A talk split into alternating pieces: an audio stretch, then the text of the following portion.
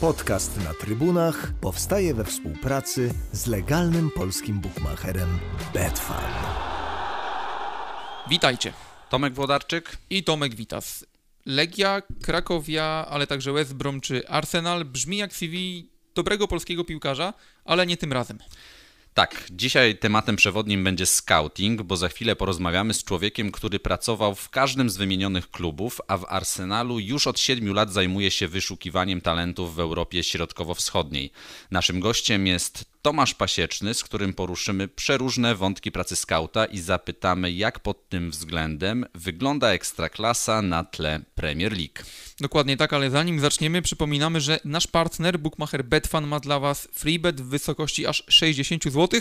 Żeby go odebrać, wystarczy założyć konto z kodem na trybunach, pisanym łącznie i dokonać depozytu bez stawki minimalnej. Jako, że zbliża się euro, to taki budżet na start powinien być dobry. A skoro o starcie, to przechodzimy do rozmowy. Podcast na trybunach. Tomasz Pasieczny jest już z nami. Witaj. Cześć, cześć.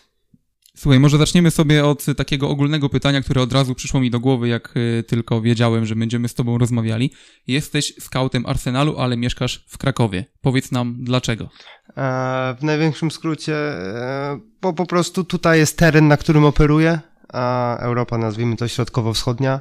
A tak, są dwie teorie scoutingu. Albo masz scoutów u siebie w klubie i oni gdzieś tam wszędzie zewnętrznie latają, albo szczególnie przy większych siatkach masz scoutów no tam, gdzie oni operują, żeby po prostu em, logistycznie miało to większy sens, więc jako, że tu jest mój teren, no to tu mieszkam i też mi wygodnie. Jak często jesteś w domu w domu, a jak często jesteś poza domem teraz, w czasach COVID-u? E, teraz jestem prawie cały czas w domu. A myślę, że taki mały szok dla mojej rodziny, no bo się mocno zmieniło. A no słuchajcie, były jakieś takie lata, takie no topowe, topowe, że ja potrafiłem ze 100 tysięcy zrobić autem i jeszcze zrobić no grubo ponad 100 lotów, więc powiedzmy, że wtedy byłem gościem w domu. E, no teraz jestem prawie cały czas, tam próbuję się czasem zamknąć w gabinecie, żeby popracować, natomiast e, no były takie tygodnie, miesiące, że praktycznie się nie ruszałem, więc to taki może nawet dla mojej rodziny szok. I co wtedy, jak to wygląda? Już stricte oglądanie meczów po prostu? I white tak, i tak dalej? Tak, tak. Wiesz co, wiadomo, że trochę na telefonie, jakieś tam rozmowy, maile i tak dalej, natomiast oprócz tego, no to tylko i wyłącznie jakiś video scouting, tam można się oczywiście czymś wspierać, natomiast jakby wtedy całą podstawą tego wszystkiego, no jest obserwacja, jako że przez większą część tej nasz, tych naszych covidowych problemów nie było obserwacji na żywo, no to to, co nam pozostawało, to właśnie w zależności tak naprawdę od klubu, do czego masz dostęp, jakieś y, Scout Insta, czy jakaś inna platforma i po prostu jedziesz te mecze, skróty, oceniasz. I jak byłeś wcześniej przyzwyczajony do tej rzeczywistości, że jeździłeś, oglądałeś na żywo, a później nagle musiałeś się przesiąść do komputera, Da się to zrobić? Są masakra, da się. Mm. To jest tak, że dużo klubów, oprócz takich skautów jeżdżących, ma też tych wideo skautów. Są kluby, mm. które mają taką teorię i mają na przykład samych wideoskautów, czy tam ze względów oszczędnościowych, czy innych. Więc są ludzie, którzy to regularnie na co dzień robią i są do tego przyzwyczajeni, więc oni po prostu siadają, oglądają, jest to dla nich żaden problem. Dla mnie jest trochę większy. No, znaczy, wiecie, no już się dostosowałem, powiedzmy, natomiast e, już pomijając perspektywę, pomijając to, no, że z tego meczu, no jednak mniej wyciągniesz siłą rzeczy, e, bo ogranicza cię kadr kamery chociażby. E, no i my pamiętajcie, że no w scoutingu większość, na większości spotkań oglądamy konkretnego piłkarza, więc ten kat kamery nie zawsze nas interesuje, mm -hmm. więc tutaj to jest jedna kwestia. Natomiast druga kwestia, no to jakieś skupienie się, no troszeczkę jest inaczej, tak, więc o, no miałem taki ciężki okres, gdzie się do tego dostosowywałem. Wtedy zawsze tych wideoskautów jeszcze bardziej podziwiałem, no bo wyobraźcie sobie, że idziecie tak naprawdę do roboty i na przykład cztery mecze oglądacie pod rząd, jeszcze najlepiej bez komentarza, żeby nikt wam nic nie zasugerował. E, I to są mecze, które się odbyły, więc też nie ma emocji mm -hmm, i tak mm -hmm. dalej. No wtedy to jest bardzo ciężkie i jeżeli ktoś posiada umiejętność skupienia się, wyciągnięcia z tego wniosków, no to tak naprawdę no, to podziwiam.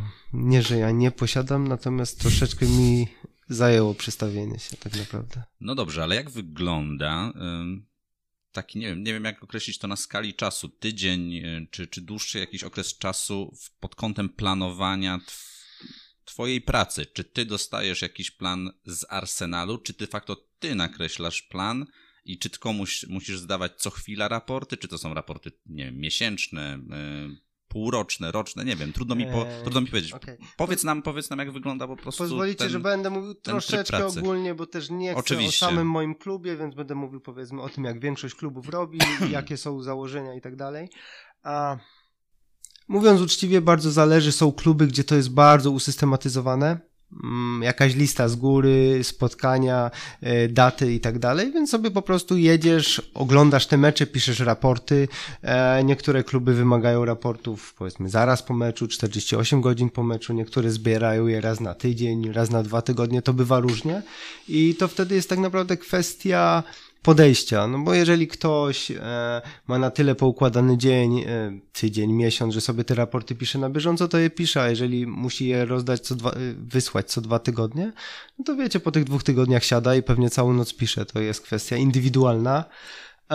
No wiecie co, no ja troszeczkę sobie, no w większości ja sobie decyduję, gdzie jeżdżę, mówiąc uczciwie. Mm, no to jest przy tej teorii, gdzie macie tych scoutów, powiedzmy, którzy mieszkają w swoim rejonie, no to oni ten rejon z założenia znają lepiej, więc oni decydują, oni mają znać wszystkich piłkarzy i tak naprawdę, e, że tak powiem, próbuję to realizować. Jeżdżąc czy te, oglądając na wideo, jak to teraz było. Jedno nazwisko piłkarza znamy, bo, bo ten transfer został zrealizowany, czyli Krystian e, Bielik, wielki polski talent, niestety też z wielkim bagażem e, pecha. No, te kontuzje przytrafiają mu się bardzo często, pewnie na Euro 2020 by pojechał, gdyby nie e, kolejny poważny e, uraz. Do Krystiana może jeszcze wrócimy, ale chciałem Cię zapytać, czy to jest tak, że ok, jedziesz na jakiś mecz i wpada Ci ktoś w oko, czy to działa na zasadzie, Tomasz Pasieczny mówi, słuchajcie, mam wielki talent i musicie go sprowadzić do Arsenalu, czy po drodze jeszcze jest tyle sitek, że zanim być może coś takiego się wydarzy, to, to ty już zdążysz zapomnieć w ogóle o tym zawodniku. E, dobra, to może tak potraktuję to pytanie szerzej. Nie zadaliście tego pytania, ja je często słyszę, bardzo go nie lubię, więc się do niego odniosę i tak Dzięki. zbuduję odpowiedź. Właśnie go nie zadaliście, więc to była A, taka okay. ukryta pochwała. E, bo często dostaję pytanie, ile transferów zrobiłeś i tak dalej. Tak, I tak, jakby tak. do tego trzeba się odnieść i to będzie też odpowiedź na twoje pytanie. E, jakby moja rola zaczyna się, kończy się na rekomendacji, e, co oznacza, że rekomenduję x piłkarzy, negatywnie opiniuje x piłkarzy. I plus minus tego jestem rozliczany. Czy polecam tych, co trzeba, czy odrzucam tych, co trzeba. I tu się moja rola kończy. Więc ja nie mam żadnego wpływu, albo mam znikomy wpływ na to, kogo my podpiszemy. To tak tytułem wyjaśnienia, więc może być tak, strzelam, że polecę 27 piłkarzy, podpiszemy jednego, może być tak, że kogoś zweryfikuję negatywnie, a i tak go podpiszemy, no bo ja jedynie przedstawiam rekomendacje. Więc to jest jedna część. Natomiast druga część jest taka, że po meczu zwyczajnie piszę raport. Jeżeli mi się ktoś podoba, bardzo mi się to podoba, to próbuję tę myśl zawrzeć w raporcie, przedstawić jakąś rekomendację. E, dochodzą pewnie później następne obserwacje, też z mojej inicjatywy, no bo jak mi się ktoś podoba, to się próbuję upewnić i tak dalej. Czasem trzeba dużo dłuższych obserwacji, czasem patrzymy jak się chłopak rozwija, czasem to są w miarę krótkie obserwacje, bardzo zależy. E, natomiast koniec końców, e, jeżeli ktoś mi się tak strasznie podoba i go rekomenduje, i go rekomenduje i jest gdzieś tam cisza, no to pewnie w jakiś sposób próbuję jeszcze to nazwisko przepchać, zapytać, pogadać o nim. No bo wiecie, no tak naprawdę każdy wielki klub ma tych rynków, na których działa kilkadziesiąt i trzeba sobie zdawać sprawę, że chłopak z naszego regionu, czy chłopak z jakiegoś innego regionu konkuruje z tymi chłopakami z tych wszystkich innych regionów, więc pierwsze, czy on jest wystarczająco dobry, to często jest tak, że ja, będąc ograniczony do tego rynku, nie mam porównania, czy ten chłopak jest lepszy od tego chłopaka w Brazylii, no bo skąd mam mieć? Więc tak naprawdę ludzie na górze oceniają, tak? Zbierają moje rekomendacje, zbierają rekomendacje stąd, stąd i stąd i sobie ich porównują. I jeżeli oni dojdą do wniosku, że ten z Brazylii czy z Tajlandii jest lepszy, to wiecie, to tu nie ma miejsca na moją dyskusję czy coś. Natomiast jak ja jestem przekonany do chłopaka, jest jeszcze jakaś fajna, powiedzmy, promocja na rynku, czy jest wolny, czy coś, to wiadomo, że ja go będę próbował pchać, natomiast to też ma swoje granice, tak? Na jakimś etapie ja wiem, że y, on został, że tak powiem, podkreślony, przedstawiony komuś i, i tyle. Zastanawiamy jeszcze mm, o, o, zawsze o, pieniądzach, fajnie pogadać. Nie chcę pytać o twoją pensję stricte, to ale dobrze. czy utrzymanie skauta to jest droga sprawa? Mm, to jest ultra szerokie pytanie, bo zależy... I czy ty masz jakieś ograniczenia? Kurczę, już jesteś przy jakimś limicie, mm. nie wiem, nie możesz już polecieć, Słuchaj, bo... bardzo zależy od klubu. E, pracowałem kiedyś dla klubu angielskiego, można łatwo sprawdzić, a to też nie jest jakoś tajemnica. West Brom? tak. Kurczę, nie, ja do tak, tego doszedłem. Tak, zupełnie, zupełnie poważnie. E, tam był jakiś taki niepisany lim. To wiecie, West Brom wtedy miał dużo scoutów e, w Europie. E, to nie był cały etat na początku przynajmniej i tak naprawdę funkcjonowało to troszkę tak, że e, był tam jakiś niepisany e, limit, na przykład nie jedź tam dalej niż 500 kilometrów czy hmm? coś, no bo to też wiecie, kilometrówka dochodzi i tak dalej. A obecnie, no słuchajcie, no jakby na swoim terenie e, jadę gdzie chcę, obserwuję kogo chcę, no nie chcę, wiecie uczciwie rzecz biorąc, nigdy mi nikt nie powiedział, że mam gdzieś nie jechać, czy mam kogoś nie oglądać, tak naprawdę. A więc jakby w moim terenie jestem zamknięty i plus minus mogę robić co chcę. Są kluby, gdzie oczywiście jakieś limity są, czy utrzymanie skauta jest drogie. Wiesz co, no to, to trochę zależy, natomiast po, wy, jakby pomijając kwestie pensji, a pensje są skrajnie różne, zależy od klubu, regionu, akademia, pierwszy zespół, to tutaj mamy naprawdę e, z czego wybierać, jeżeli chodzi o przedziały, no to dochodzą koszty transportu, jakieś hotele i tak no, wiadomo, dalej. Więc tak. to też troszeczkę zależy od rynków, na których się skupiasz, to zależy od tego, czy działasz na wideo i w ostatniej fazie tylko obserwujesz, czy tych obserwacji jest wiele, Yy, powiem tak. No może oczywiście być drogie utrzymanie skauta, natomiast te kluby, które powiedzmy utrzymują, robią to na bogato ten scouting, no to dla nich oczywiście patrząc na ich budżety i tak dalej, no to to jest jakaś kropelka, to, to, to nie jest nic, co jest zauważalne z zewnątrz, yy, ale wiecie, no, no słuchajcie, no to jest bardzo proste. Yy, macie ileś źródeł wiedzy o piłkarzu. Macie ileś źródeł wiedzy o piłkarzu. A z założenia nie chcecie popełnić błędu, nie chcecie wydać za dużo, nie chcecie kogoś ominąć. Każdy piłkarz, oprócz tego, że kosztuje, jego pensja kosztuje, można na nim ewentualnie zarobić, daje wam punkty. Jak zobaczycie, ile topowe punkty, y, topowe kluby płacą za punkt, tak? To, to są grube miliony. Więc jeżeli możecie wydać dużo mniejszą kasę na to, żeby jakiś człowiek pojechał go zobaczyć na żywo, no to tu nie ma jakiejś wielkiej filozofii. Oczywiście, jeżeli jesteście polskim klubem i przychodzi do was scout i mówi, że chce leci, lecieć do Zimbabwe na tydzień, oglądać tak, jakiegoś Brazylia, piłkarza. gdziekolwiek. Tak, no, no to wiecie, no to może się jakaś lampka zapalić. Natomiast jeżeli polski klub ma wysłać nawet dwóch ludzi autem yy, do Chorwacji, no to wiadomo, że ich wyślę, tak? Może powiedzieć, słuchajcie, nie lećcie samolotem, bo, bo, bo wychodzi drożej. Jedźcie tym autem, ale ich wyślę, no bo jednak, wiecie, no nawet jak pomyślicie o jakiejś prowizji menedżerskiej, jak pomyślicie o pensji tego piłkarza, no to to zwyczajnie się opłaca, więc tutaj, yy, no bym powiedział, że w skali klubu to są bardzo małe koszty. Oczywiście są małe kluby, gdzie w ich skali to są większe koszty, ale to nigdy nie są takie pieniądze, żeby w klubie ktoś jakoś 6-7 razy się zastanawiał, bo to tutaj jest za dużo do zyskania w dwie strony, żeby po prostu to olać. No. Tak, genialnym przykładem dobrego scoutingu jest Leicester City chociażby, prawda, jak ściągali Riyada Mareza, N'Golo Kante, niekoniecznie z, z takich oczywistych e, lig, z oczywistych poziomów e, i, i że oni na 100% odpalą w Premier League, a wiadomo, gdzie dzisiaj są i wiadomo, Wiesz, co dzisiaj w piłce znaczą. Tak, tak. To znaczy z tym na 100%, no nigdy nie masz pewności, że odpali na 100%. Nie, no mówię właśnie, że no, nie no. mieli pewności na 100%, że się nadadzą, a no... Tak, jednak... ale to ja bardziej mówię na zasadzie, że to nawet jakbyś ściągał z topowej ligi, topowego piłkarza, to gdzieś tam zawsze jest... Eden Hazard na przykład. Nie no, przykładów są tysiące. tak, tak. tak. Słuchajcie, tu chodzi od początku do końca o minimalizowanie ryzyka. A im więcej źródeł danych, im więcej informacji i im lepsza perspektywa, tym ryzyko jest mniejsze zwyczajnie.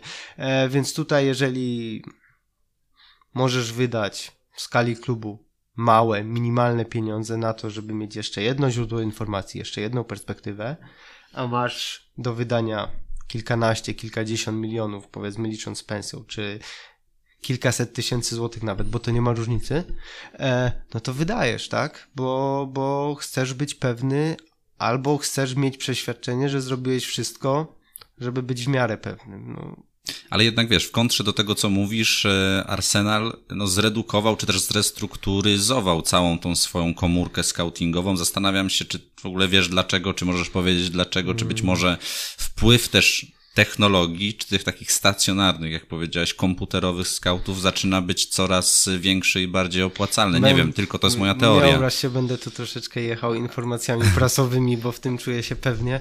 E, Wiesz, tak, jakiś powód był, prawda? Co, tak, zredukowaliśmy, zdaje A ty się. zostałeś. Zdaje się, że była jakaś publiczna wypowiedź dyrektora sportowego, że chce mieć mniejszy zespół, z którym mu się łatwiej pracuje, bo mieliśmy duży zespół, żeby być fair. E, teraz znowu mogę powiedzieć, bo to jest też jakaś informacja prasowa, teraz troszeczkę zatrudnimy parę osób. E, tak, gdzieś Dalej... czytałem, przepraszam, przepraszam, że się wtrącę, że skorzystają nawet chyba z takiego tradycyjnego szukania HR-owego, bym Wiesz powiedział, co, dużo co też klubów, nie jest... Dużo klubów od paru lat to robi, a od 4-5 lat powiedzmy są dwie, trzy firmy, które się specjalizują w tym zatrudnianiu w sporcie i to od tych topowych stanowisk po scouting. E, mówiąc szczerze, e, to wiem z prasy, więc tu ci się jakoś bezpośrednio nie odniosę, natomiast to by mnie nie zdziwiło, bo e, wiem, że United tak robił rekrutację, City ma swoją firmę, więc to jakby się zdarza. Natomiast z, znowu z tego co czytam, to tych y, zatrudnionych ma być parę osób, więc pozostaniemy mniejszym działem, bo byliśmy bardzo dużym działem. E, są różne teorie, tak? E, gdzieś tam w prasie znajdziecie, ja nie chcę mówić z głowy, bo to będzie jakaś absurdalna liczba, ale gdzieś tam w prasie wyciekło, ile plus minus Manchester United wyprodukował raportów w ciągu roku. I to tak, była jakaś to był kosmiczna tekst liczba. The Athletic, czytałem tak. go i tam, o Jezu, to faktycznie I były teraz, kosmiczne liczby. słuchajcie, na końcu tego wszystkiego trochę chodzi o to, żeby te raporty po prostu mieć, bo wam przyjdzie agent, rzuci chłopaka, którym nawet wy się, powiedzmy, proaktywnie nie interesujecie, to sobie sprawdzacie. Ale równocześnie chodzi też o to, żeby produkować te raporty i ewentualnie działać, jak one są pozytywne czy coś. Więc ta liczba, która tam padła, ja nie mam pojęcia, czy ona jest prawdziwa, ale podejrzewam, że może być. E, pokazuje wam, jak zwyczajnie ciężko to jest przerobić ile trzeba, ilu trzeba ludzi, jak to trzeba zorganizować. Więc tutaj a, przy obecnej liczbie źródeł, przy jakichś statystykach, przy jakimś wywiadzie środowiskowym, przy wideoskautach, przy skautach, co jeżdżą na żywo, to strasznie ciężkie staje się do przerobienia. Zapytajcie w każdym polskim klubie, czy mają jednego skauta, czy mają 15, jak wygląda okienko. Okienko wygląda tak, że dostają 10, 20, 30 nazwisk dziennie i po prostu nie da się tego przerobić. I potem czytacie w prasie, ten był polecany Legii. Jest zainteresowanie, tak, tak, Albo lepiej, e, ten był polecany Lechowi, a teraz Trwają rozmowy. do Premier League. Ale ja nawet mówię o tych, co zostali niby a, odrzuceni, okay, tak. wiesz, że tak. No to kiedyś e, było dużo, bo to i niby mamy Tak, ja rozmawiałem z... W salach, salach niby... to akurat tak. rzeczywiście gdzieś tam się przewinął. Bo Też nie będę mówił o nazwiskach, ale, no, ale to no, topowy klub polski mówi, że oni dostają na, na, na skrzynkę, po tak. prostu na maila od agentów. Na maila, na Whatsappa, oczywiście. Setki. Więc wiecie, ja bardziej zmierzam do tego, że też, żeby się nie przywiązywać do informacji, że ktoś kogoś olał czy coś.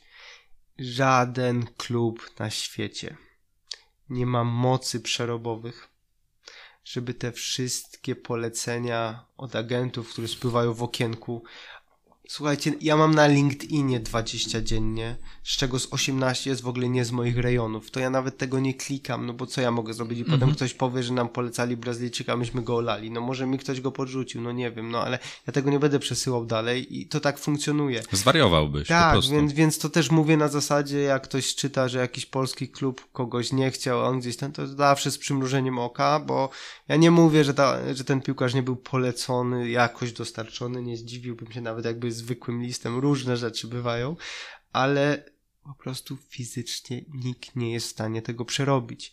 Więc kluby kombinują w różne strony, jak zrobić tą pracę bardziej efektywną, czym się wspierać i tak dalej, i tak dalej. Natomiast koniec końców dalej macie to okienko, pojawi się problem i dalej patrzycie, jest już taki etap okienka, gdzie jest mała desperacja na zasadzie, że ktoś nam wypadł, no to patrzycie, co tam przyjdzie, tak? Wiadomo, że ktoś zawsze zerknie, ale no to jest nie do przerobienia zwyczajnie, więc tutaj bym e, z dużym dystansem traktował te doniesienia. E, no a doniesienia w drugą stronę to, o czym ty mówiłeś na zasadzie ten kogoś chce, no to to wiadomo, że często po prostu od agentów wychodzą. Mm. Wczoraj się śmiałem, nie będę rzucał nazwiskiem na Twittera, ale właśnie e, z Twittera, ale właśnie wczoraj poszło info, że jakimś tam piłkarzem e, się trzy kluby interesują. Um, tam był świetny komentarz, ale też nie chciałbym się w to zagłębiać, ale powiedziałbym, że no ja powiedzmy będąc te x lat yy, w tym biznesie plus minus yy, wiem co kto od, co kto od kogo może mieć, czy plus minus czemu to wypływa, przynajmniej mi się tak wydaje, więc gdzieś tam jestem w stanie zazwyczaj ocenić, tak, czy to agent coś gra, czy rzeczywiście ktoś tam rozmawia i tak dalej. No i tu powodów też jest mnóstwo tak naprawdę. Tak, już to jest w ogóle zupełnie inny wątek, jak często w dzisiejszych też czasach takich szybkich mediów piłkarze, boże piłkarze, dziennikarze stają się trochę nieświadomie narzędziami właśnie agentów, klubów też czasami w tej grze negocjacyjno-transferowej, ale to gdybyśmy otworzyli ten wątek, to byśmy mogli no, rozmawiać tu 10 godzin. Jakby gdzieś tam częścią mojej pracy, może w nie jakimś genialnym, wielkim stopniu, ale e, no jest też, no nie chcę powiedzieć współpraca, tak, ale no to też jest tak, że ja część tych dziennikarzy znam. E, e, czasem oni mają do mnie jakiś interes, czasem ja mam do nich jakiś interes, więc też wiem, jak to funkcjonuje, tak? A e, akurat są, są, są też dziennikarze newsowi, tutaj jeden przede mną siedzi, e, którzy gdzieś tam się na coś ścigają i, i, i sam Jest to wiesz, męczące też psychicznie, sam, sam, niestety. Sam wiesz, że jakby bardzo różne źródła tych newsów bywają. E, Oj, to czasami ludzie się dziwią, o klub ci przyniósł, czy menadżer ci przyniósł, a to potrafi po prostu wypłynąć czasami no, od takiej strony. też że... jest tak, że czasem ktoś po prostu bezinteresownie ci przyniesie, też jest tak, że komuś po prostu zależy na tym, żeby to wypłynęło, to ani nie jest twoja wina, ani wina tej osoby. E, no, no mówię, to... jesteś nieświadomym tak, narzędziem. Tak, czasami tak, tak. Bejger chociażby trafił do, do Śląska, a, a mógł do Rakowa i, i de facto napisanie o tym, że trafił, że jest bardzo blisko Rakowa spowodowało, że, że uruchomiła się maszyna e, zainteresowanych też klubów i ostatecznie trafił do Śląska i, no, i w to... tym momencie stałeś się de facto narzędziem w jakiejś wojnie negocjacyjnej, no, chociaż tego nie planowałeś to oczywiście. wystarczy zobaczyć tour po Europie, który Mino Raiola tak, zorganizował w kontekście Halanda, tak? Mm -hmm, Jakieś loty, Barcelona, No oni jednego Madryt. dnia byli w Barcelonie i w Madrycie, no, tak. dokładnie. E, I co? To jest wina agenta? No nie, on, on Mhm. robi co ma robić, tak? Wykonuje swoją pracę. Wina klubów, że się z nim spotykają? Nie, no oni robią co mają robić, tak? Negocjują, rozmawiają, więc tu, tu nie ma winnych, no to po prostu e, tak to funkcjonuje. A media robią show. tak. Dokładnie. I, a, a ludzie to czytają, więc w sumie tak naprawdę każdy odbiorca, uczestnik robi swoje, więc to ja czy, czy ja to krytykuję? Nie, ja tego nie krytykuję. Natomiast są jakieś mechanizmy, które za tym stoją i tak warto czasem sobie plus minus zdawać z tego sprawę, czy mieć jakąś Jasne. świadomość, że tak jest i tyle. O samych transferach, tak jak mówię, moglibyśmy i mechanizmach rozmawiać bardzo długo. Ja tylko skończę jeszcze ten wątek, bo mm, od niego odpłynęliśmy jakby meritum twojej pracy, bo też mnie bardzo to interesuje. Myślę, że słuchaczy, mam nadzieję przynajmniej też, y, Tomasz Pasieczny, scout Arsenalu, wybiera się na jakiś mecz i co, ty siedzisz tak po prostu z notesem i wiesz dokładnie, co masz tam zanotować? Masz jakieś wytyczne, czy ty po prostu jedziesz, okej, okay, ten fajnie gra głową, ten prawą nogą? Yy, mamy... Jak to wygląda? Znaczy mamy, to, to, to akurat chyba nie jest jakaś tajemnica, no mamy swój system, w którym piszemy, y, do którego wpisujemy raporty, no jak prawie każdy klub mamy swój arkusz obserwacyjny, tak go nazwijmy, w zależności od klubu są bardzo proste arkusze, gdzie tam oceniasz parę rzeczy, są bardzo rozbudowane, gdzie oceniasz kilkadziesiąt rzeczy. To jest kwestia klubu, trochę podejścia. E, natomiast plus minus praktycznie od każdego skauta teraz oczekuję, żeby w ramach jakiegoś arkusza e, ci przedstawił swoje rekomendacje. Tak naprawdę przedstawił ci jakieś wnioski i rekomendacje, bo ja na przykład jak robię szkolenia scoutingowe, to mówię, że tak naprawdę pamiętajcie, że nikogo nie interesuje opis meczu.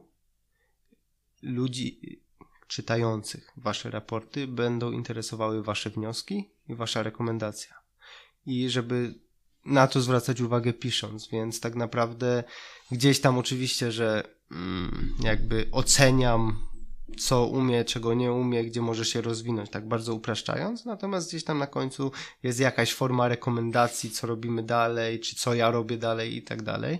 E, tak to wygląda. Czy ja siedzę z notesem? Kiedyś siedziałem. Mam taką kubkę notesów w domu. No, Jesteś zbieraczem. tak, zostawiam je, wiesz co, bo traktowałem je też jako jakieś źródło informacji, bo to są jeszcze ze starszych czasów, więc y, jak też pracowałem w innych klubach, e, zdigitalizowałem się, tak, tak się mówi, e, przerzuciłem się na komórkę, a są różne szkoły, ludzie notują, nagrywają, ja notuję, szczerze mówiąc, e, jakimiś tam skrótami, bo wiadomo. Mhm. E, Masz swój system już wypracowany. Każdy ma swój jakiś system. A łapałem się trochę na tym, że jak notowałem, to zależy od klubu, czasem cię sadzają z kibicami. No jak siedzi jakiś gość i coś notuje, to każdy mu tam zerka, więc się łapałem na tym, że tak specjalnie nie do końca wyraźnie pisałem. E, no i potem walczyłem w domu. E, teraz w telefonie, natomiast wiecie, no tyle piszemy na tych telefonach, że ja plus minus nie muszę jakoś super patrzeć w telefon, żeby coś napisać, więc to jest duży plus. E, natomiast no słuchajcie, to też nie jest, to też właśnie jak chłopaków, może nie uczę tego scoutingu, ale uczę plus minus na czym polega, to też zawsze mówię, żeby sobie pójść na jakikolwiek zwykły mecz i próbować w jego trakcie notować. To też nie jest takie hop tak, bo dużo tracimy, dużo możemy z tego meczu stracić, więc... Jak pisanie relacji chociażby tak, z meczu, tak, tak, który cały czas trwa. E, tylko wy jeszcze zazwyczaj korzystacie z komputerów, nie? Tak, ale no. jest to, no, sam wiesz, jak coś się jeszcze no. zmieni w meczu, to w ogóle tak. możesz położyć całą wie, relację. Znów od, odbiegamy, odbiegamy, no, Także to. powiedzmy w tym scoutingu y, bardzo ważne jest tak naprawdę, żeby jakiś tam system sobie prowadzenia notatek opracować, żeby e, nie był zbyt czasochłonny, w sensie takim, że już po prostu zwyczajnie za dużo z meczu nie stracił. To są ludzie, którzy nagrywają patrząc, co jest ok, natomiast ja nie lubię nagrywać, bo zawsze mam wrażenie, że po prostu ktoś obok mnie słyszy, czy ten, a jednak uważam, że to są rzeczy, które w żadnej formie nie powinny wypływać, szczególnie, że często siedzę z innymi skautami, tak? Więc tutaj a, akurat ta forma mi nie pasuje, natomiast są tacy, co nagrywają, są tacy, co mają fajną pamięć, więc oni sobie w przerwie, powiedzmy, nagrywają. Ja mam wrażenie, żeby mi za dużo e, umknęło, więc tam zawsze w trakcie coś próbuję. Podcast na trybunach powstaje we współpracy z legalnym polskim bookmacherem Betfair. Trochę w ostatnich minutach wyszliśmy do tych technik twojej pracy codziennej i do tego mhm. wrócimy na koniec, ale ja bym chciał trochę przejść teraz do momentu, nie wiem, wspominkowego, jak, okay. jakbym stworzył CV na Wikipedii albo zrobiłbym komuś quiz i bym napisał Legia, West Brom, Krakowia, Arsenal, to myślę, że to by było całkiem dobre CV e, polskiego, polskiego piłkarza. I chciałbym, żebyś nam opowiedział trochę o tej swojej drodze, jak to się wszystko zaczęło, bo tak jak powiedziałem, zaczęło się od Legii. Tak, a w sumie to się zaczęło na studiach. A w sumie myślę, jak to powiedzieć. Nie, no słuchajcie, yy, to było tyle lat temu, że jakieś tam fakty się zacierają. A z mojej perspektywy było to na pewno tak, że wysłałem jeszcze zwykły papierowy list. Na zasadzie, że wydaje mi się, że mógłbym ich wspomóc w tym scoutingu, że tam mieszkam na Śląsku, na Śląsku jest mnóstwo drużyn, plus minus. Wydaje mi się, że to było tak, że odezwał się do mnie Jacek Bednarz, trochę porozmawialiśmy, był jakiś plan i potem Jacek odszedł z Legii, tak mi się wydaje. I potem przyszedł Marek Jóźwiak. Mogło być troszeczkę inaczej, natomiast ta prawdziwa współpraca zaczęła się jak Marek Jóźwiak przyszedł do tej Legii, a i tam pojedź na jakiś tam mecz, Gwarek Zabrze, Celiotka. O, moja mhm. pierwsza obserwacja w życiu to był Tomek Cywka. O, to mhm. pamiętam, on wtedy grał w Gwarku, w Celiotce, a, więc to akurat zapamiętałem. Wiecie, to były początki, tak? To były początki jakiegoś scoutingu w Polsce. No kurde, to było dawno temu. A, więc tak naprawdę pierwszy raport, który tworzyłem, to wydaje mi się, że pisałem sobie wszystko, co uważałem i to była raczej taka... Elaborat. Tak, raczej tak. A, Potem to tam na pewno wprowadzili w Legii normalne raporty, więc pamiętam, że później je wypełniałem. E, no i wiecie, no pracowałem trochę w tej Legii, tam mi się podobało, ale e, no szukałem czegoś, no nie oszukujmy się, wysłałem do iluś tam ofer e, klubów oferty. Odezwał się West Brom, to był wtedy, zresztą dalej jest, co teraz widać po tabeli, taki klub, który był między Championship a mhm. Premier League, tak? Mm głowy nie dam, czy jak dołączałem byli w Premier League, czy w Championship. Natomiast na pewno w trakcie mojego pobytu to byli tu i tu. No i oni wtedy mieli jakichś czeskich piłkarzy. Mm, było to chyba już po Tomku Kuszczaku też, to głowy nie dam, ale tak mi się wydaje. I ogólnie patrzyli na te rynki. E, I mieli jakiś scoutów, mieli właśnie skauta w Czechach, ale mieli też Skandynawię i podobał im się ten kierunek, no i nie tyle szukali w Polsce, a dostali mój list, odezwali się i mówią, że w sumie to, to nie jest głupi pomysł. Tam za dwa, trzy kluby się jeszcze odezwały, ale ci byli najbardziej konkretni i mówią, że chcieliby po prostu mieć kogoś na stałe w Polsce.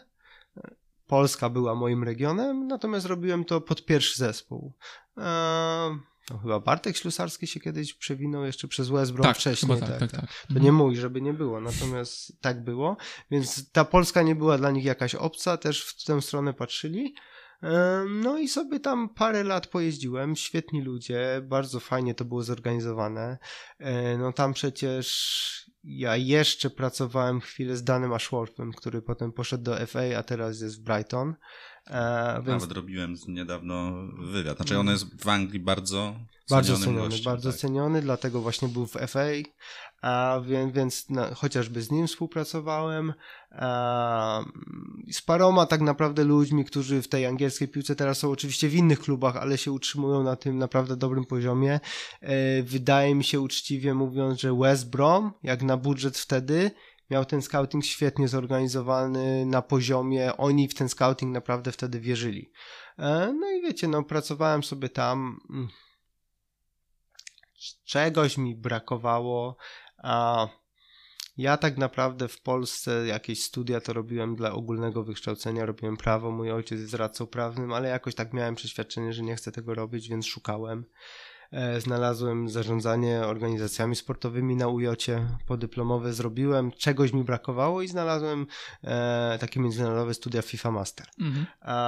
jest to super sprawa, natomiast jest to rok za granicą. A w trzech państwach, natomiast to są, wiecie, takie studia 8-10 godzin dziennie, pełne zaangażowanie, więc oczywiście wtedy nie za bardzo pracujesz. Tam sobie jeździłem na jakieś mecze dla West Bromu, natomiast no nie oszukujmy się, że robiłem też te studia, żeby gdzieś tam pójść wyżej, coś mhm. robić wyżej. A skończyłem studia, wyjechałem na staż do Azjatyckiej Konfederacji Piłkarskiej, wspaniała przygoda, byłem tam w dziale prawnym.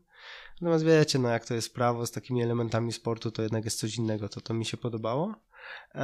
Wróciłem, jeżeli dobrze pamiętam, to jeszcze przy Euro pracowałem, 2.12 u nas, w komitecie organizacyjnym też mega fajna przygoda.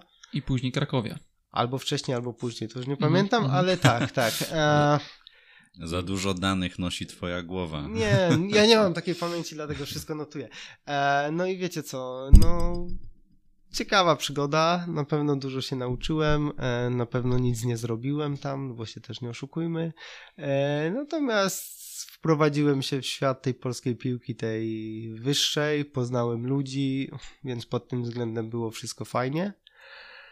No i gdzieś tam po tej Krakowi, no to... Ale to poczekaj, może jeszcze zostaniemy przy tej Krakowi Dajesz. na chwilę. Nie, no bo po tylu, po tylu latach na, na chłodno, na trzeźwo zupełnie będziesz mógł to ocenić. Co tam się wewnątrz działo, że się nic nie udało? Nie, no słuchaj, bardzo prosto mówię wszędzie jedno zdanie i myślę bardzo serio, że jest ono bardzo uczciwe. E, wiesz co, no od początku nie miałem posłuchu u właściciela, to oczywiście jest moja wina, powiedzmy, bo go do siebie nie przekonałem. Natomiast no Krakowia to jest taki klub, gdzie trzeba mieć posłuch u właściciela, żeby być skutecznym, więc jeżeli jesteś dyrektorem sportowym, czy kimkolwiek w pionie sportowym, kto ma jakieś decyzje podejmować i nie masz posłuchu, no to nic nie możesz w praktyce zrobić, no taka jest prawda. A czy miałem dobre pomysły, czy nie, to jest odrębna kwestia i to naprawdę trudno ocenić, no bo one się powiedzmy nie realizowały. E, natomiast wiesz, no kurczę, z jednej strony dostałem szansę, więc muszę być za to wdzięczny. E, mam wrażenie, że nie skorzystano z mojej wiedzy, czy tam z moich pomysłów, no ale gdzieś tam siedzi mi w głowie, że to może moja wina, może nie przekonałem do siebie, więc jakby to w pełni akceptuję, jeżeli ktoś tak twierdzi. Um, no i plus minus tyle, tak? Wydaje mi się, że przepchałem jakieś kilka małych rzeczy, ale to są małe rzeczy, to w ogóle nie ma sensu o tym mówić. E, dało mi to jakąś radość, natomiast z takiego punktu widzenia ogółu, no to no kurde, no, no nie był to udany czas, tak? Mówiąc, e, mówiąc bardzo uczciwie. Myślę, że z obu stron. Myślę, że tutaj nikt nie był zadowolony z tej współpracy, bo taka jest prawda. E, natomiast gdzieś tam wszedłem w ten świat, poznałem wszystkich, to mi też dużo dało, więc to gdzieś tam później mi się przydało, powiedzmy. No i tyle byłoby mojego podsumowania w tej sprawie. O. Ale trafiłeś do Arsenalu, jesteś e, już w nim bardzo długo. Siedem lat. Siedem lat. E, I o tobie tak naprawdę głośno zrobiło się z powodu Krystiana Bielika, o którym już wspominałem, ale chciałem do niego wrócić. Jak ty wspominasz ten proces rekrutacyjny i ile przypisujesz sobie sukcesu do jego wyjazdu do Arsenalu? Jak to wyglądało? Co to było tak, że ja w sumie w Arsenalu zacząłem. Byłem tam stosunkowo niedługo. Mm. I no powiedzmy, jeździłem sobie, tak, obserwowałem u nas a, rozgrywki. A, to było tak, że a, z Krystianem o tyle nam się udało, że myśmy dość szybko zadziałali. Bym powiedział, że bardzo szybko. Krystian miał tam jakieś minuty w ekstraklasie, z koroną mecz. E, ja Krystiana widziałem na żywo na pewno w Pucharze Syrenki, który był tutaj pod Warszawą rozgrywany, tam zrobił duże wrażenie. No i wiecie co, no, no i poszła pozytywna rekomendacja, e, no taka bardzo pozytywna, no nie oszukujmy się. E, no i poszło za nią działanie. Zaczęły się jakieś negocjacje, gdzieś tam w jakimś stopniu mniejszym bądź większym w nich uczestniczyłem akurat i no szczerze mówiąc no po prostu udało się to dopiąć. E, też było o tyle łatwo, że Krystian tych minut w pierwszej drużynie miał mało, więc jeżeli nawet jakaś nasza konkurencja że tak powiem jeździła na niego, no to zdarzało się, że po prostu nie grał. E, myśmy byli na tej Syrence i tam na jakichś innych meczach, więc po prostu tutaj łatwiej nam było podjąć tę decyzję, a więc... Zadziałał ten scouting taki regionalny i chyba znajomość po prostu rynku, tak, że wiedziałeś, gdzie go można zobaczyć tak, tak, razie. nie, nie, no słuchajcie, to też trochę szczęścia, bo to też nie oszukujmy się, akurat jesteś na meczu, gdzie on zagra, to też nie masz nigdy gwarancji, nawet jak rozmawiasz z agentem czy z kimś. E, natomiast to nie, no to to jest produkt y, ewidentnie tego naszego scoutingu, nazwijmy go regionalnego, no to e, jakby no jakby inicjatywa wyszła ode mnie, tak? To, to, mhm. to, to akurat y, jakby nie podlega dyskusji. A no i słuchajcie, no został zweryfikowany pozytywnie wyżej, no bo przecież bez tego nie byłoby transferu. A no i, i pojechał spełniać marzenia urosłeś wtedy, kurczę, zaczynasz w Arsenalu. No, ja sobie wyobrażam nawet ze swojej perspektywy, no, transfer się dzieje, tak? Piłkarz polski trafia do Arsenalu, to ja bym zaraz po prostu Co? eksplodował byłem, energią, byłem że zdziwiony, że tak szybko. To moja rola. Byłem zdziwiony, że tak szybko, bo to naprawdę się potoczyło. W sensie i do tego Arsenalu dołączyłem trochę wcześniej i ten trans... Wiesz, ja znam ludzi, którzy pracują w topowych klubach 20 lat i nie mają już żadnego transferu, tak nazywając to. I dalej są cenieni, dalej tam pracują, więc, więc tutaj jakby bardzo szybko w tej perspektywie, szczególnie, dobra, no Polska, okej, okay, mieliśmy bramkarzy w Arsenalu, więc to też nie jest tak, że ta Polska była dla nich obca, natomiast e, no oni się dość, no my dość szybko się zdecydowaliśmy, więc pod tym względem tutaj to fajnie przebiegło. E, była też wola ze strony Krystiana, tam miały jakieś wahania, wiadomo, to tak zawsze jest. A z Legią się dogadaliśmy, więc tutaj no po prostu wszystkie strony gdzieś tam się zeszły, a często jest tak, że kogoś chcesz, a te strony się nie schodzą, więc tutaj też no, dużo szczęścia timingu, no bo e, jest bardzo dużo piłkarzy, gdzie, może nie bardzo dużo, ale jest paru piłkarzy, gdzie ta moja rekomendacja była podobna, no i do transferu nie doszło z miliona powodów, Może być od tego, że ktoś nie zaakceptował mojej rekomendacji, a może być do tego, że nie dogadaliśmy się z piłkarzem, czy nawet ktoś nas przelicytował. Tu macie pełen, To może nawet wachlarz. jedno małe ogniwo z łańcuszka tych decyzji Okej. wypaść i, i domyślam się, że wszystko się sypie. Ktoś może nawet, mówiąc brzydko bardzo, olał akurat, czy nie przyjrzał się tak mocno temu konkretnemu raportowi. Jak mówiłeś, jest ich mnóstwo. Dzieją się różne rzeczy. Tak, tak, więc... y, A więc tu to- akurat ktoś musiał Tak, więc wiesz, postawić. y, jakby y, jasne, że się mega ucieszyłem, jasne, że jakiś gdzieś tam w głowie to uznałem za jakiś sukces. y, Wtedy na pewno, teraz też. E, natomiast, no, jakby patrząc z perspektywy, no to ja sobie też zdaję sprawę, że e, tych piłkarzy zawsze jest więcej, tak? Więc tutaj akurat było szczęście, że to wszystko się zeszło, była wola i tak dalej. Są przypadki, gdzie tego nie ma, tak? Więc y, to też, y, to też trochę mówię po to, że to nie jest tak, że ja sobie mogę w jakikolwiek sposób przypisać ten transfer, tak? E, Ja gdzieś tam byłem jakimś y, trybikiem, tych trybików musi zadziałać 10, jakby każdy wykonuje swoją robotę i tyle, tak? No ja ją wykonałem, ktoś za mną, po mnie, po mnie, po mnie, po mnie. No i plus muszą zajść korzystne okoliczności oprócz tych trybików, więc tutaj to jest taki skomplikowany mechanizm. A jakimi prostu. jeszcze nazwiskami byś rzucił? Powiedziałeś, że Tomasz Cywka, powiedziałeś y, Krystian Bielik. no wiecie, kogo, kogo jeszcze? Tomasz Cywka to był pierwszy, więc to sobie mogę powiedzieć, Mhm. tak? E, Ja mam problem, bo nie za bardzo mogę, tak wiecie, e, rzucać nazwiskami w Bo jakąkolwiek później stronę. jeszcze będzie, że Arsenal Możesz- interesował Tak, się tym. Dokładnie. Czyli Znaczy, wrócimy mogę- do Mo- punktu, z- mogę wam, powie- mogę wam rozmowy. powiedzieć inaczej. Zazwyczaj, gdy czytam doniesienia o naszym rynku szeroko pojętym i czytam Arsenal interesuje się tym czy tym, to bardzo często jestem zdziwiony, że to czytam. Także wam powiem raczej w drugą stronę. E, nie chciałbym rzucać nazwiskami, bo potem, e, wiecie, jakiś artykuł z tego powstanie taki zupełnie niepotrzebny. Mhm. Eee, także, także wolałbym tego uniknąć. Natomiast, no, ja mam pięć państw.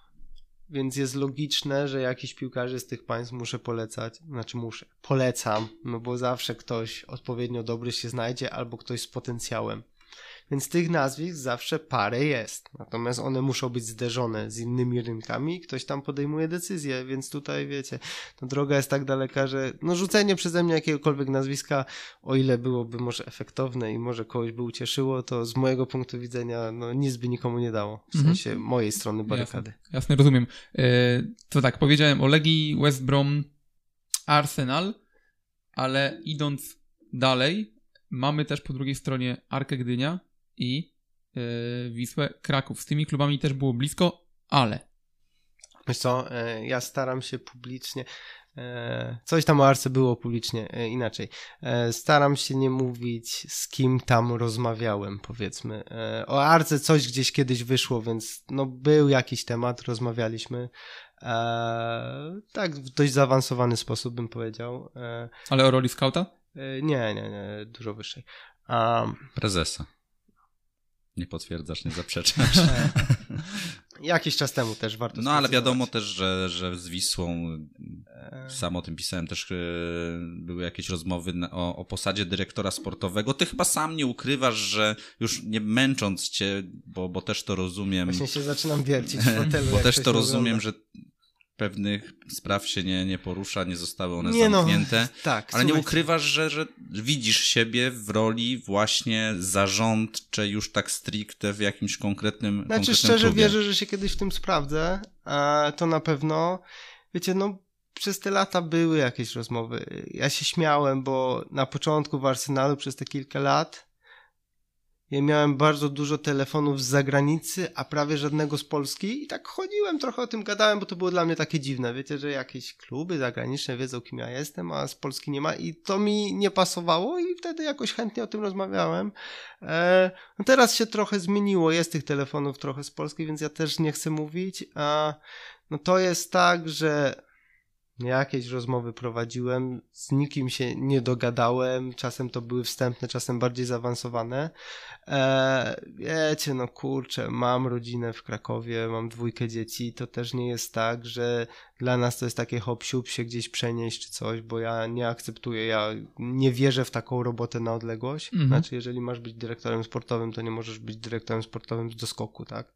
Możesz być szefem scoutingu, który nie mieszka w twoim kraju, w tym mieście, no bo szef scoutingu bardzo dużo jeździ, więc to tutaj nie ma jakiejś, jakiegoś problemu, natomiast y, no, dyrektorem sportowym no musisz być na miejscu. Tak ja uważam. A więc jakby jakiekolwiek plus minus jakiekolwiek rozmowy no wiążą się z tym, że raczej musielibyśmy się przeprowadzić, więc to są po prostu zwyczajnie trudne rozmowy. E, dwójka dzieci, żona, wiecie, te Jasne. sprawy. E, natomiast no wierzę szczerze, że kiedyś się w tym sprawdzę, bo chcę się sprawdzić, natomiast e, e, czy mi się pali, czy mi się pali? Nie, nie pali mi się, wiecie, e, czekam aż to będzie to, tak? Zobaczymy. Może kiedyś będzie, może nie. E, natomiast e, co mogę powiedzieć? No jestem zadowolony z mojej roboty, więc to też nie jest takie proste, żebym ja kogoś przekonał, żeby ktoś przekonał mnie, więc to jest takie trudne. Mhm. Jak ty wyobrażasz sobie w takim razie, y, już nie ukrywając, że powiedzmy to, to jest jakiś kierunek, który cię interesuje, stanowisko dyrektora sportowego, bardzo kontrowersyjne, często poruszane gdzieś w środowisku piłkarskim w, polskiej piłce, y, często niedoceniane, często w ogóle nieistniejące w niektórych y, klubach i cały pion sportowy według Tomasza Pasiecznego. Jak Co, to powinno tak, wyglądać? Jest jeden właściciel, a, który mi kiedyś, tu nie chodzi o nazwisko, to chodzi o spojrzenie na piłkę, który mi kiedyś powiedział, że on nie sądzi, żeby to powinno stanowisko się nazywać dyrektor sportowy. On sądzi, że to powinien być administrator do spraw sportowych, w sensie, że administruje tym działem. No to jest coś zupełnie innego, tak? A, znaczy, to ja kiedyś mówiłem, że ja uważam, że my w Polsce nie rozumiemy funkcji dyrektora sportowego. Teraz uważam, że my rozumiemy, ale jej może nie akceptujemy, nie chcemy jej. Pan od transferów. Tak. I Słuchajcie, reszta się nie liczy. idąc od góry. Kluby w Polsce dzielimy na te, upraszczając, plus minus miejskie, gdzie w większości rządzi miasto i jakieś prywatne. Jeżeli one są prywatne, znaczy, że ktoś jakąś kasę w nie włożył, czy jakąś odpowiedzialność ponosi. I teraz problem polega na tym, że taki dyrektor sportowy w teorii z prawdziwego zdarzenia powinien mieć normalny budżet na zasadzie masz tyle na pensję, masz tyle na transfery, plus minus robisz wewnątrz co chcesz, czyli mówisz ten, ten, ten, my go podpisujemy, jeżeli się mieścisz w budżecie. Natomiast oczywiście tak nie jest. Jest tak, że idziesz i mówisz, czy może być ten za tyle. I tam jest, następuje proces myślowy, czy oni go akceptują, czy nie. Czy ja to rozumiem? Trochę to rozumiem. Czy to tak powinno być? No według mnie nie. I teraz sytuacja, w której wiecie, miasto ma akceptować takiego piłkarza za tyle. Albo właściciel się zastanawia, czy temu można dać tyle. Kiedy on, powiedzmy, w tym budżecie się mieści, to to jest sytuacja z mojego punktu widzenia, w mojej wizji dyrektora sportowego, no nieakceptowalna. Przy czym ja rozumiem tych właścicieli, tak? No to są ich pieniądze.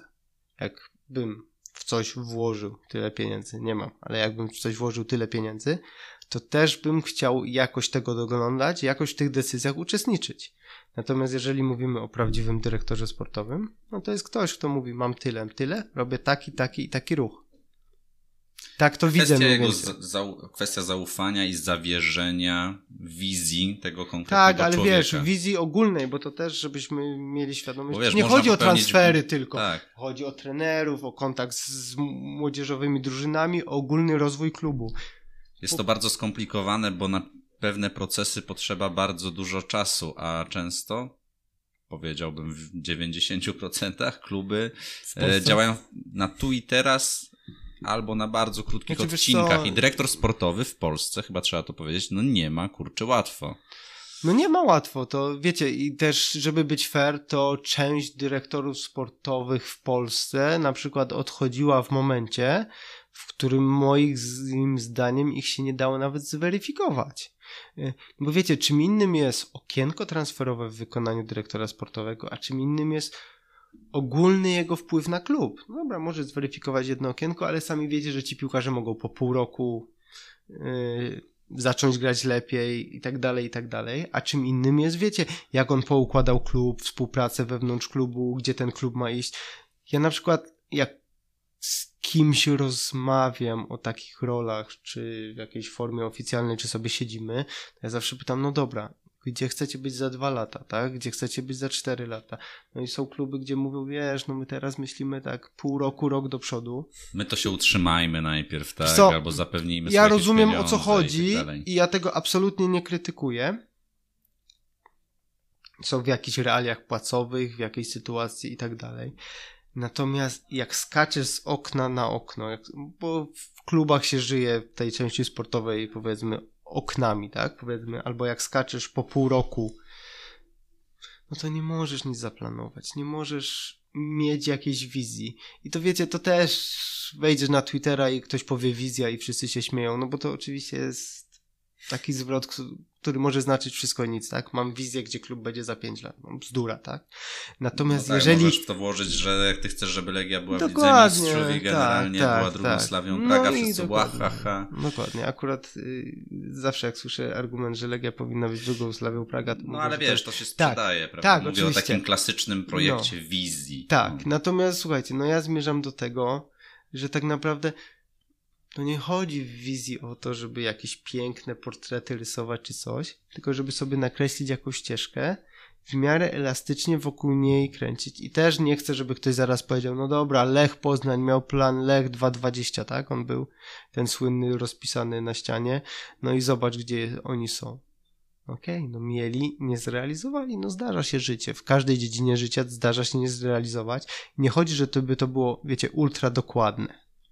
Natomiast jeżeli wiesz, co chcesz robić, jeżeli masz jakiś w miarę sprecyzowany plan, to nie tracisz tej kasy po drodze na jakieś bzdury, żeby coś ratować, coś zasypywać, tylko idziesz, coś poświęcasz, bo wiesz, co chcesz osiągnąć. I wiecie, my oczywiście rozmawiamy ogólnie, bo to nie jest tak, że jest konkretny plan, który dla wszystkich działa. No nie ma, dla każdego klubu jest inny, w oparciu o ich cele, założenia, możliwości, miejsce, wielkość akademii, skuteczność akademii, trenera, ludzi w klubie i dopiero tam można to zbudować, można to nakreślić, tak?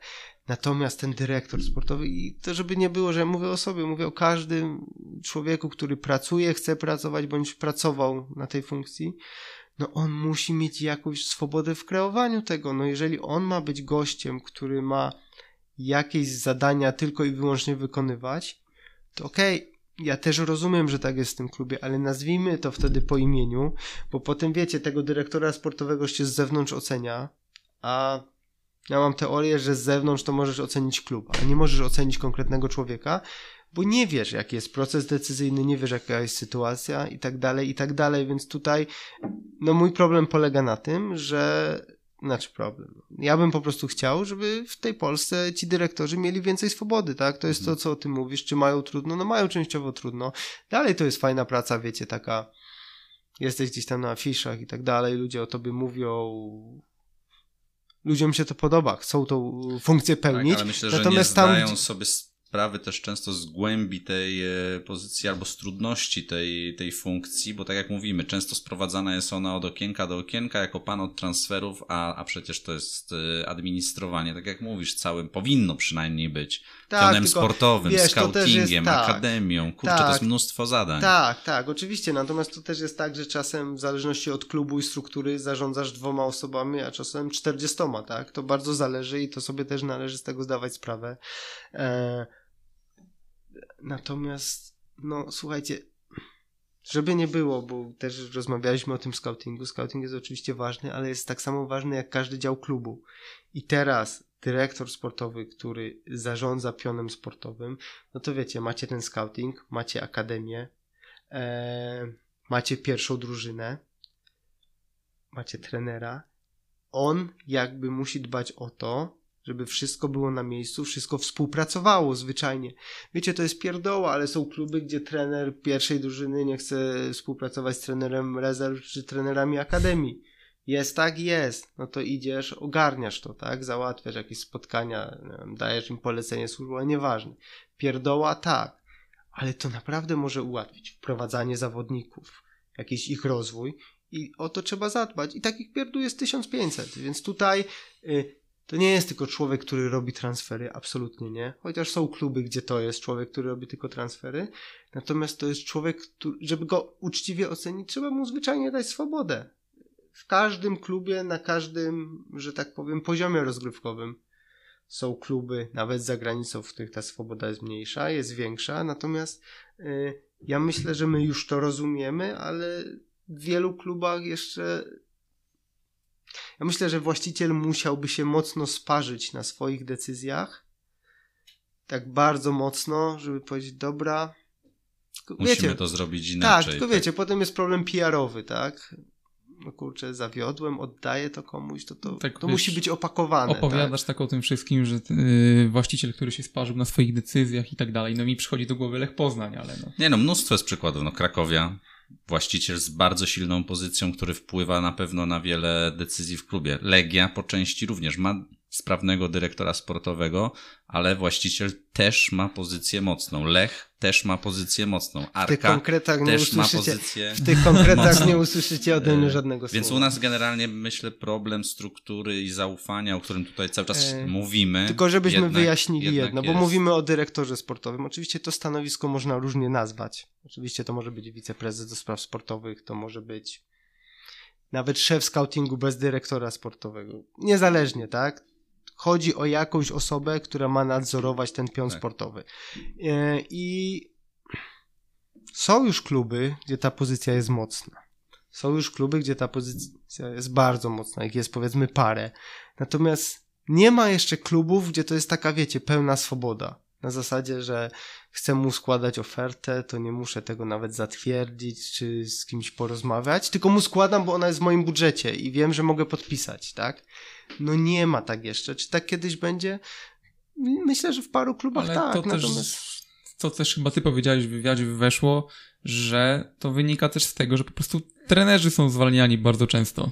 No i trudno jako dyrektor sportowy przeprowadzić transfer, bo przyjdzie nowy trener, będzie chciał poukładać zespół po swojemu i zaczynamy od nowa zabawę. Wiesz co, bo też mi ludzie mówią, że za dużo teoretyzuję, a potem przychodzi praktyka. Często tak jest. Natomiast, no, czysto teoretycznie, jeżeli robisz transfer piłkarza, to robisz go pod klub. No i siłą rzeczy masz trenera, który też jest dobrany pod klub, więc to się powinno spinać. E, oczywiście przychodzi życie, przychodzi praktyka, przychodzi, nie wiem, trener strażak, przychodzi jakaś zmiana. Różnie bywa. Natomiast ty, jako szef pionu sportowego, dyrektor sportowy, nieważne jak to nazwiecie, powinieneś jakby panować, prowadzić ten klub w tej krzywej rozwoju sportowego. Więc powinieneś oceniać trenera, dobierać trenera, oceniać piłkarzy, dobierać piłkarzy i oni powinni wszyscy plus minus się w tej wizji zmieścić. W momencie, kiedy dokonujesz bardzo wielu zmian, jasne, że w krótkiej perspektywie to mogą być dobre zmiany, które ci coś przyniosą, tak? Natomiast w dłuższej perspektywie, jak co chwilę będziesz zmieniał, no to pojawiają się problemy. Nie da się tego tak przeprowadzić. I wtedy odbijasz się od ściany do ściany, i jak się odbierze od ściany do ściany, to palisz kasę. Zwyczajnie palisz kasę po to, żeby być w tym samym miejscu za 6 miesięcy czy 12. Po mhm. prostu. Wiecie, co mówimy generalnie o pewnej świadomości e, w piłce, też zmiany czasów, bo, bo czasy w futbolu są podobnie dynamiczne jak właściwie w każdej dziedzinie życia, digitalizacja, o której wspominaliśmy i jakieś szersze spojrzenie na analizę e, danych i, i rozmawiamy długo i z tobą tych tematów ciekawych jest mnóstwo. Muszę jeszcze zapytać o ten, o ten temat, mianowicie, mianowicie szukanie trenera z komputera, mhm. czyli u nas zrobiono z tego, mówiąc wprost, bekę, że, że że Jagiellonia dostanie um, trenera z komputera, a ty y, jesteś e, współwłaścicielem, założycielem firmy, która tego trenera ma z komputera wyciągnąć, czyli Sports Solver. Jak ty w ogóle zareagowałeś na takie podejście do tej informacji bardzo, mówiąc delikatnie, spłaszczone? Wiesz co, jak tu szedłem sobie myślałem, czy jakoś spuentować ten artykuł, który Piotrek spłodził. E, znaczy, wiesz, Stwierdziłem, że tego Piotrek, nie zrobię. Ale żeby się nie też nie pastwić nie, no okay, nie, nie. człowiekiem, ale generalnie ha, ha, ha, wiecie, nie no, słuchaj, ja ci, ja ci powiem zupełnie szczerze, a ponad dwa lata temu założyliśmy firmę, a, a, której gdzieś tam celem to też nie chcę, żeby zabrzmiało górnolotnie, tak, ale było gdzieś tam tą polską piłkę wprowadzić trochę wyżej. bo cały świat już poszedł w analizę danych jakoś zaawansowaną w piłce. Mm. Pół świata już zrozumiało, że to po prostu coś daje, jeżeli się to robi należycie, więc myśmy stwierdzili, że zrobimy coś dla polskich klubów. Założyliśmy to, mm, mamy trochę projektów za sobą. Żeby być fair, e, my tych projektów nie ujawniamy. Jeżeli współpracujemy z klubem, to współpracujemy z klubem. Mamy Robiliście mniejsze współpracę Dla, PZPN-u, dla Ekstraklasy. prawda? Robiliśmy to akurat było. Tak. Mm. Więc mm, to tutaj wyszło, wyszło przez Piotrka, dlatego go wspomniałem. A słuchajcie, to jest bardzo proste. Jeżeli ktoś coś opisuje jak Piotrek, czy na Twitterze, nieważne, ogólnie co do zasady warto się zapoznać z tym, co opisuje, tak? Mm. Ja rozumiem, że czasem taki artykuł może być jedynym źródłem informacji i ja to szanuję. Natomiast słuchajcie, jakby powiem ogólnie, nie będę mówił o Jagiellonii, bo oczywiście gdzieś tam wyszło, że są naszym klientem w tym aspekcie, natomiast ja mogę powiedzieć o tym produkcie ogólnie. To jest tak, że my i to, żeby znowu nie było, to nie jest tak, że pasieczny coś tam robi, bo pasieczny w tej firmie robi inne rzeczy, są dużo mądrzejsi, którzy e, gdzieś tam tych trenerów analizują i porównują. E, I to jest tak, że my najzwyczajniej w świecie oferta skierowana do klubów jest taka, jeżeli macie kilku kandydatów, my ich dla was porównamy. Jeżeli chcecie, żebyśmy wam kogoś ekstra wskazali, też jest to możliwe. Natomiast co do zasady, dajecie x kandydatów i my ich porównujemy. Porównujemy ich na danych. Mamy dostęp do wszelkich danych, możemy zrobić z tego wszystko. Ocenimy ci klub, ocenimy ci, czego ci brakuje, wskażemy trenerów, którzy najlepiej w tych aspektach poprawiają grę. Powiemy ci, który trener poprawia grę drużyny. Zrobimy też jakiś wywiad środowiskowy, żeby nie było. Natomiast słuchajcie, to jest po prostu bardzo zaawansowana analiza danych. Tam Robicie wychodzi trochę wszystko. jakiś audyt taki trenerów, Tak, prawda? można to tak Y, nazwać. No słuchajcie, to jest kilkadziesiąt stron porównań. Są oczywiście wnioski, są oczywiście jakieś wykresy i tak dalej. Natomiast w praktyce, bo tam czytałem na Twitterze, że to się nie musi udać. No cholera jasna, co się tu nie może udać? Dostajecie porównanie, dostajecie dane, tak? Nie wiem, siedzimy w studiu, masz komputer. Żeby kupić komputer, porównywałeś go z innymi. Porównywałeś cenę, osiągi, milion I rzeczy. być może nie wybierzesz najlepszego, prawda? Oczywiście. I teraz my po prostu porównujemy ci te komputery, natomiast w stopniu, w którym ty nie jesteś w stanie tego zrobić. Bo mamy dane, analizujemy je, interpretujemy je, przedstawiamy je. Bardzo zaawansowane dane. Wiesz, każdy, o każdym trenerze masz jakiś stereotyp, że ten robi to, ten robi to. My ci odpowiadamy na pytanie, czy tak rzeczywiście jest. I słuchajcie, my przedstawiamy rekomendacje. Kropka. To jest tak jak w scoutingu. Ja przedstawiam rekomendacje. Czy klub z niej skorzysta, czy nie, to jest ich sprawa. Natomiast dostaję pełen zestaw informacji i powiem wam szczerze, bo to jest akurat relatywnie nowa rzecz, którą my robimy. e, To porównanie trenerów. Jakoś tak niedawno na to wpadliśmy. Powiem wam szczerze, że jak podpisaliśmy w tym, podpisaliśmy, no jak pierwszy klient się y, pojawił, ja sobie pomyślałem, że kurde, jestem dumny, bo zrobiliśmy coś, mm, czego tu nie było. I to zwyczajnie, fizycznie nie może wyjść klubowi na złe. No bo po prostu dostają więcej informacji. Okej, nie skorzystają z nich? Nie skorzystają. Skorzystają? Tym lepiej. Ale oni po prostu dostają pełen zestaw informacji. Tu nie może się nic nie udać. To wiecie, skorzystają, okej, nie skorzystają w tym sensie się nie udało, że nie posłuchali naszych rekomendacji, ale oni dostają obiektywny zestaw danych porównanych, yy, zinterpretowanych, więc tutaj nie ma co się nie udać. Jest- To nie jest tak, że my coś losujemy, tak? Jak ja słyszę, że komputer losuje, to Jest mnie to- szlak trafi. Tak, jest to, jest to w pewnym stopniu też no, po prostu scouting trenerów na takiej zasadzie, że po prostu coś rekomendujecie, a później Można to tak niekoniecznie nazwać, się musi wiesz, wydarzyć. To nie jest taki scouting na zasadzie, że my coś myślimy, tylko my przedstawiamy konkretne Rozumiem. dane. tak? Jesteście po prostu doradcami, a co sobie zrobi z tym akurat w danym przypadku Jagiellonia, to już was nawet chyba nie do końca nawet interesuje. Wy po prostu wykonaliście swoją pracę, a być może oni mm, no po prostu pójdą innym torem, tak? Znaczy, po prostu wiesz wy co, no- staracie się im pomóc, Tak, dostarczyć tak. Wiesz co, jak no najwięcej podejrzewam, argumentów. że dla ludzi, którzy pracowali nad tym porównaniem, raportem, jak to nazwiesz, podejrzewam, że jeżeli by skorzystali, tak, z naszych rekomendacji, to byłoby dla nich bardzo pozytywną informacją, natomiast jakby naszym celem była rekomendacja, było wybranie tych trenerów e, ogólnie, tak. Na tym polega ta usługa. I jeżeli ktoś skorzysta z sugestii, no to jasne, że nam będzie bardzo miło i jakby będziemy jeszcze bardziej wierzyli w naszą pracę. Tak naprawdę oni, bo to nie ja robię. E, natomiast, no, rekomendacja, tak? Kropka. Dokładnie jak w scoutingu. Kropka i tak naprawdę od momentu rekomendacji, co się dzieje dalej, to jest totalnie poza nami i jakby nikt nawet w tym nie chce uczestniczyć, mówiąc uczciwie, bo to ani nie nasza rola, e, więc tutaj czy tam losuje, tak, komputer losuje trenera, czy nawet e, firma... już, czy, czy tak, to jeszcze potrwa? E, czy, e, czy nawet firma wybierze trenera, to też jest strasznie nieprecyzyjne określenie, tak? E, nie, no już tam gdzieś po, pojawiło się coś w prasie, że, że, że już jakby zdaliśmy raport i tak dalej, mm. więc, więc, więc w prasie napisali, że zdaliśmy raport, więc tak bym to skwitował. Tak to zostawiasz. Ale nie śmiałbym się z tego, no bo właśnie sobie sprawdzałem teraz, że i Kevin De Bruyne analizował e, swój nowy kontrakt i bez agenta go wynegocjował, więc dzieje się to w wielkim futbolu i Memphis Depay też e, za pomocą analiz dobierał nie. sobie... Piotrek się śmiał, że ktoś użył tych przykładów, też stwierdził, że to jest absurdalne. E, to się dzieje w tej chwili na każdym poziomie.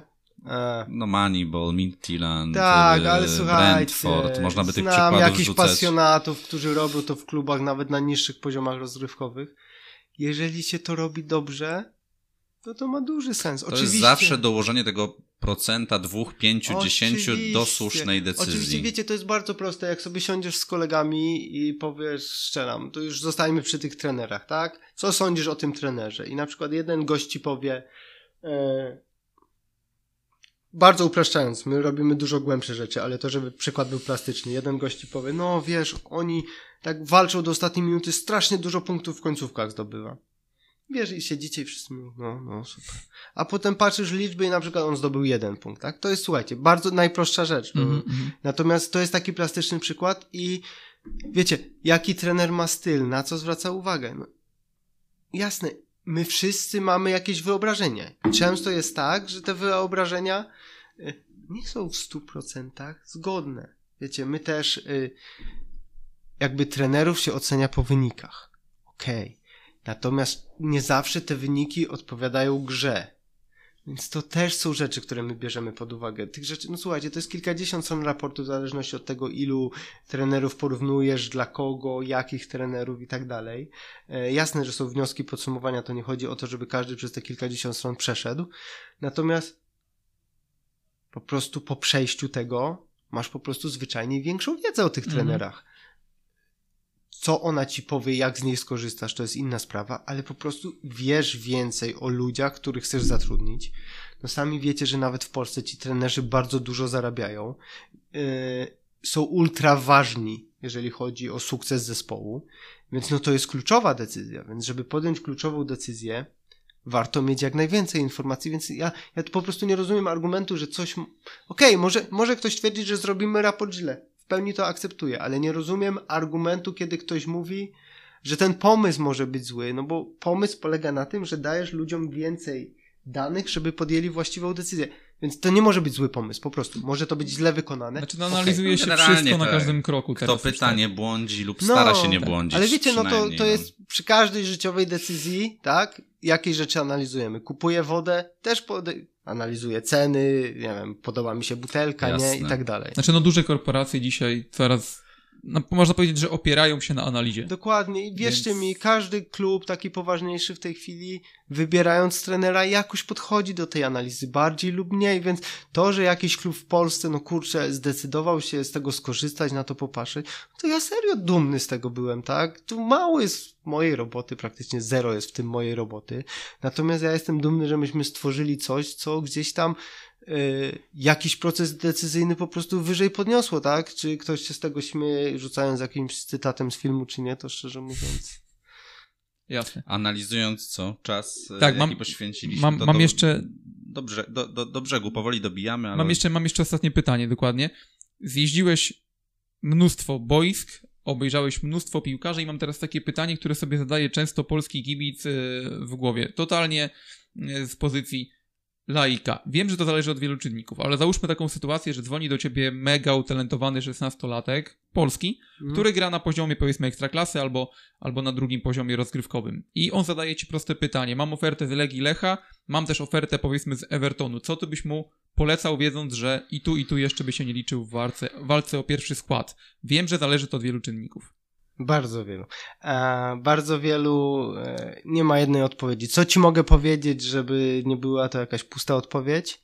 W przypadku tych z największym talentem, takim, że oni naprawdę mają talent, to ja zawsze mówię wyjeżdżaj. E, ale to takich naprawdę, wiecie, no taki Christian Bielik, okej, miał dużo kontuzji, bo on ma tak naprawdę tyle pecha, co talentu, taka jest prawda. Natomiast on był w każdym aspekcie gotowy, żeby się tam przebić. Inaczej, on miał wszystko, żeby się tam przebić, tak? To nie, że jego wina, że się nie przebił, miał pecha i tak dalej. Natomiast on miał wszystko, żeby się tam przebić e, i jakby gdyby się cofnąć, ja bym dalej powiedział jedź. E, w przypadku tych trochę słabszych piłkarzy zostań, graj. Raczej bo tu będziesz grał szybciej, bo tu się rozwiniesz, odejdziesz na lepszych warunkach. Natomiast pamiętajcie też o tym, że 80-90% polskich piłkarzy, którzy wyjeżdżają do niezłych klubów, w momencie jak się od nich odbija, dalej ma tutaj luźno powrót. Właśnie o tym chciałem powiedzieć. Chyba Łukasz Bejger jest dobrym przykładem. Jest bardzo dobrym przykładem, mówiąc uczciwie. Eee, miał oferty, miał powrót. Eee, on nigdy do pierwszego składu się nie przebił, tak naprawdę. Troszkę pograł w U23. On w ogóle w tym United większość część czasu nie grał na swojej pozycji, bo grał na prawej obronie. E, no ale wiecie, no miał powrót, miał oferty, no i już gra w pierwszym składzie, tak? Więc jak idziesz do dużego klubu, oczywiście masz mega małe szanse, żeby się przebić, jeżeli wiecie, nie idziesz do pierwszego składu od razu. I tak jest, tak po prostu jest. Natomiast w tym młodym wieku, z tym, że teraz na wyspy można iść dopiero jak masz 18 lat, bo się te przepisy zmieniły. Natomiast co do zasady, oni mają powrót. Oni mają powrót, bo o tych piłkarzach w tych dobrych klubach się pamięta i wiecie, czy jakiś agent sobie przypomni, czy klub i oni zawsze na nich zerkają. No, wiecie, no, yy, paru, paru ostatnio wróciło, że tak powiem, i w tym re recyklingu, tak, oni teraz grają, będą grali coraz lepiej i zaraz jeszcze ktoś na nich zarobi, więc to, yy, to, że nie jesteś wystarczająco dobry, nawet na Everton powiedzmy, to nie oznacza, że nie przyjdziesz, nie pograsz tu całego sezonu i za parę baniek gdzieś nie odejdziesz. I uwaga, i teraz też mam na to przykład. Przemek Płacheta który odbił się od y, Lipska, No. wrócił do ekstraklasy, a dzisiaj znowu tak, wyjechał. tak, nawet mój kolega, e, że tak powiem, do tego Lipska go sprowadzał, więc tam jakby znam całą historię. E, tak, tak, no to jest idealny przykład, no wiecie, no awansował do Premier League, jakby nie było. Trochę tam pograł, wiadomo, że nie można powiedzieć, że grał wszystko, szczególnie ta końcówka była słabsza, natomiast też nie można powiedzieć, że, że nie grał, tak, bo ileś tam tych spotkań, 20 coś, przynajmniej, e, No i że miał też bardzo 20 parę razy był na boisku, czy to parę Mhm, minut, mhm, czy mhm. parę dziesiąt, to jest inna Miał sprawa. też mocną konku- konkurencję na pewno na Tak, skrzydłach, tak, bo to chyba dwa najlepsze takie skrzydła bez No. podziału, powiedzmy już takiego stricte gdzieś na, No i popatrzcie, na tak, w, w Championship. Więc tutaj, tutaj jakby, no on to zrobił, wrócił, przeszedł, dobra, jeszcze tam było niżej, wyżej, grał, odszedł za dobre pieniądze, poszedł do fajnej ligi, poszedł na pewno, dostał fajne warunki, e, więc, więc tutaj jak najbardziej, bez problemu. I wiecie, to jest tak, że nawet jak się odbijasz od jakiegoś klubu za granicą, też oni cię czegoś uczą, tak? E, Łukasz Bejger, no jest o tyle ciekawy, że on no nie ma jeszcze postury środkowego obrońcy. To byłem szczerze mówiąc zdziwiony, że on nie wrócił z tego United taki, no, bardzo upraszczając, przypakowany, no bo raczej się, raczej się nad tym pracuje w Anglii, to mnie zdziwiło.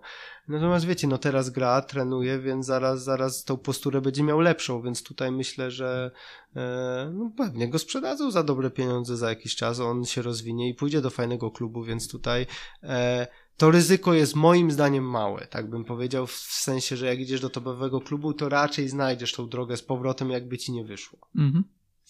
To co, stawiamy tutaj kropkę, choć tak jak mówię o tych różnych y, aspektach scoutingu, bolączek polskiego futbolu w kontekście dyrektora sportowego y, i, i, i analizie danych, mnóstwo innych tematów moglibyśmy z Tobą rozmawiać bardzo y, długo. Tomasz Pasieczny, scout Arsenalu i nie tylko, jeszcze mnóstwo różnych zajęć po, po drodze od nauczyciela e, młodych, e, młodego pokolenia scoutów do, do współwłaściciela firmy analitycznej i, i, i tak jak mówię, być może przyszłego dyrektora sportowego. Dziękujemy Ci bardzo. Dzięki serdeczne. A my co? Powoli, powoli się żegnamy i, i, i zapraszamy na kolejne odcinki na trybunach. Do zobaczenia, do usłyszenia. Podcast na trybunach powstaje we współpracy z legalnym polskim bukmacherem Betfair.